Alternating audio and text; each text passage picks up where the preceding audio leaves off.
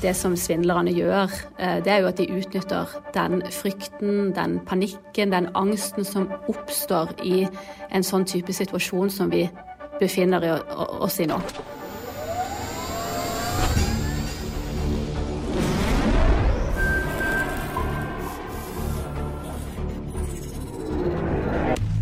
Velkommen til Teknisk sett, en podkast fra TU. Mitt navn er Jan Moberg. Eh, og jeg sitter alene, men Odd-Rikard sitter på Whereby. Hei, Odd-Rikard. Det gjør jeg. Det gjør vel for så vidt du også. Mm. Selv om vi sitter for oss selv. Enda en gang. Enda en gang. Ja. ja. Du har sånn eget rom du på Whereby. Jeg har det. Det er veldig praktisk. Ja. Veldig praktisk. Du herjer mye der nå for tiden. Ja. Fantastisk. Ja, nei, det, det, det, er veldig bra å se deg, Odd Rikard. Ja, det er hyggelig, ja. Jeg tipper du savner, savner å, ha, å, være i samme lokale som meg. Jeg trenger ikke kommentere det. Men uh, du Skal ikke gjøre det. Når vi jobber så mye fra hjemmefra nå og bruker disse digitale hjelpemidlene så mye, så har vi jo snakket om det, du og jeg, at eh, da må jo folk bli ekstra utsatt for litt sånn eh, nettsvindel og den type ting. Ja, klart det. Det er jo ingen som er så smarte som eh, skurkene. Nei. De er innovative. De vrir seg fort. Men det jo, dette var jo en utfordring selv før uh, denne utrolige bruken av digitale hjelpemidler som vi har nå. Ja. Jeg husker jo jeg fikk en sånn e-post fra deg da jeg var uh, ute på tur om at jeg straks måtte sende deg tusenvis av dollar eller euro. Jeg husker ikke hva det var. Ja. Det kom faktisk fra din e-postadresse. Ja, jeg fikk ikke noe penger av det. Det er dårlig gjort. Det er riktignok noe du kunne funnet på å gjøre, ja, men, eh, men, det var svindel. Det var svindel, ja. Og um, nå har det gått bra med deg, Odd Rikard. Du har ikke blitt lurt disse dagene? Ikke disse dagene, men de fleste har vel en erfaring på kredittkort og sånn, så dette er jo et problem som eh, ikke går over, men som forsterkes nå, selvfølgelig. Nettopp derfor så har vi med oss en ekte leder for antihvitvask eh, fra S-banken, faktisk. Julie Odden, velkommen. Jo, takk. Du, er vi inne på noe her? Eh, før, vi går inn på akkurat dette med korona, hva, hva er de generelle trendene innenfor eh, denne type svindel? Nei, altså Bedragerier har jo eksistert siden tidenes morgen omtrent. Men det er klart at i takt med økende digitalisering, så, så, så, ligger de langt foran nå. Eh, så det har på en måte gitt rom for massebedragerier på en helt annen måte enn tidligere. Så det, det er vel den trenden man har sett de siste eh, årene, som bare vokser og vokser, både mot privatpersoner og mot, eh, mot, mot næringslivet, mot bedrifter. Og det er mange forskjellige typer. Altså det er cyberkriminalitet, sant? hvor man sender ut, eh, pøser ut e-poster og SMS-er hvor man blir bedt om å trykke på linker. Eh, kommer inn til nettsider med, med ondsinna maskinvare som infiserer maskinen din og plukker opp sensitive opplysninger. Eh, og det er masse ulike former for investeringsbedragerier som også har tatt seg opp kraftig. Ja. Men eh, er det klarere sånn som en bank, da? Nå jobber jo du i IS-banken, men dere som er i denne bransjen, klarer dere å holde tritt med utviklingen fra disse bandittene? Ja, det er jo det kampen handler om. Det handler om å klare å holde tritt. Eh, så det er klart at det, eh, det er jo ikke til å legge skjul på at de kriminelle ofte ligger to skritt foran resten av oss. Så det handler nesten ikke om å, å, vinne eller tape lenger, det handler om å prøve å holde tritt. Eh, så man plukker opp eh, trendene ganske fort. Det er en eh, god deling av informasjon mellom myndigheter og, og, og finansforetak, så man kommer fort på sporet av, av trendene. Men det er klart, de er, de er flinke. Det skjer, det skjer, mye det skjulte som vi vanlige forbrukere kanskje ikke vet om mellom, i denne finanssirkelen mellom myndigheter og banker og institusjoner og sånt. At det skjer masse Det er et, det er politi, ja, det er politi, det er et slags politiarbeid som foregår der, som ikke kommer til overflaten til vanlige folk. Nei, normalt ikke. Så er det på en måte en eh, Hva skal man si for noe? En slags uh, Office-funksjon som, som, forsøker å altså, bankene er nødt til å ta sin, sitt del av samfunnsansvarskaka, hvis man kan kalle det det, på lik linje med andre i samfunnet for å bekjempe økonomisk kriminalitet. Så myndighetene har sitt, altså du har Nav og du har Skatt sant, som jobber på hver sin måte på, for å bekjempe økonomisk kriminalitet eh, hos seg. Eh, og så har vi etterretning, PST, Økokrim, politi, Kripos. Eh, og så har du bankene, som representerer en inngangsport til finanssystemet. Og, og, som dermed også er utsatt for å bli brukt til økonomisk kriminalitet. Og Da må man på en måte ta sitt samfunnsansvar eh, på alvor og, og forsøke å hindre økonomisk kriminalitet så, så, godt det lar seg gjøre. Men til syvende og sist så havner det altså hos oss forbrukere en eller annen request om å trykke på en lenke eller gjøre et eller annet, sende penger. Så vi kan jo ikke beskyttes mot alt. Nei, det kan man ikke. Men Uh, Julie, nå er jo større deler av uh, Norge, og i hvert fall arbeidsstokken, uh, på nettet og jobber hjemmefra, sitter litt sånn i ensomhet og kanskje ikke har så mange kolleger å spørre. Hvordan har denne pandemisituasjonen gjort utslag på disse svindeltrendene? Altså, Pandemien har gitt store utslag på svindeltrendene på, på mange områder, egentlig. Eh, det er klart at man eh, det som svindlerne gjør, eh, det er jo at de utnytter den frykten, den panikken, den angsten som oppstår i en sånn type situasjon som vi befinner oss i nå. Og da har du mange mennesker med mange forskjellige bekymringer. Og så, så, er det egentlig de samme svindlerne sant, som vi opplever til vanlig. De bare tilpasser modusene sine til den situasjonen vi er i nå. Og, og korrelerer den med den frykten eh, de forskjellige menneskene eh, opplever. Så du har jo mennesker som opplever frykt for helsa si, naturlig nok, sant, med den mediedekninga som er nå. Det er et nytt virus. Eh, og da har du svindelmetoder som går på det å selge falskt medisinsk utstyr, f.eks. ansiktsmasker, eller til og med medisinske produkter som påstår å kurere covid-19, eh, som da selvfølgelig aldri leveres. Ja.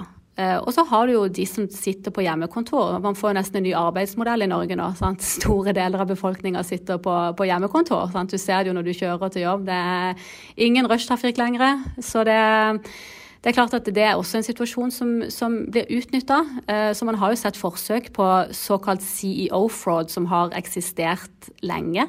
Det som er problemet i en sånn situasjon, eller utfordringa i en sånn situasjon vi sitter i nå, er jo at folk er redde.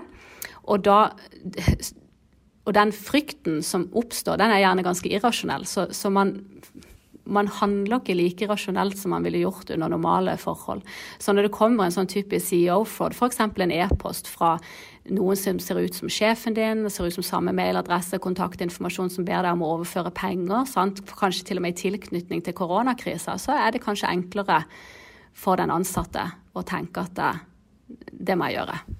Kan du, kan du, si noe om hvor disse, denne organiserte kriminaliteten befinner seg. Det er vel, det er vel, ikke, det er vel ikke norske miljøer, akkurat dette? Du har norske miljøer også, for vi har jo Altså, det er jo knytninger til Norge. Vi har jo eksempler på at det har gått svindlere komme på døra til folk. Ja. Faktisk. Ja. Og skal selge testutstyr eller teste eller gi eh, Altså, de, de later til å være representanter f.eks. For, for Folkehelseinstituttet. Eh, men som sagt, mange av disse bedrageriene det, er, altså, det begås av de samme personene. Og vi ser at de i stor grad eh, kommer fra utlandet. Oppholder seg i, i andre land. Sant? Eh, du ser jo f.eks. Eh, en svindelform man ser nå. Det er jo egentlig det, det samme investeringsbedragerimoduset som vi ser til vanlig. men som retter seg mot den frykten mange nå opplever for økonomien sin. Sant? Det er flere som blir permittert, og det er mange som ser alle sparepengene sine for, forsvinne i det børskrakket vi opplever nå. Eh, så blir de oppringt eh, gjerne fra Eller lurt med falske annonser, klikker seg inn på lenker, og blir oppringt av en utenlandsk investeringsrådgiver som da lover gull og grønne skoger for å hjelpe dem med å redde inn pensjonen sin igjen, f.eks. Eh, så det er vanskelig å si hvilket land de sitter i. Eh, det er jo det som er utfordrende. Men, eh, men at det finnes både i Norge og i utlandet, det er ja. Veldig mange av de her de snakker ikke norsk. Mange av de snakker ikke norsk, nei. Det er helt riktig. Nei, men mange av de snakker jo veldig godt engelsk, altså til og med ganske dannet språk. jeg har jo fått noen sånne telefoner fra investeringsmiljøer som vil at du skal bruke penger på noe, men de er utrolig offensive og aggressive, da. De er det. Eh, og de Altså, det er klart at de er dyktige, mange av de.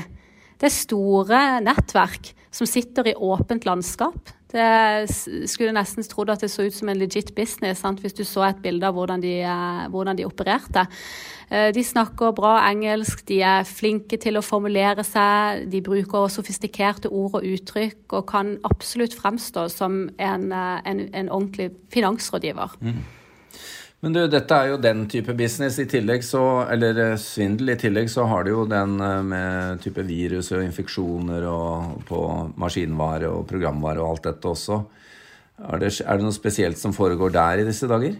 Ja, det er masse forskjellig, og det kommer nye ting, føler jeg, hver eneste dag. Um, som sagt så, så, så utvik, altså de utvikler svindelmetoder basert på det folk er redde for. Og det man f.eks. ser nå, er jo at man får en sterkere stat.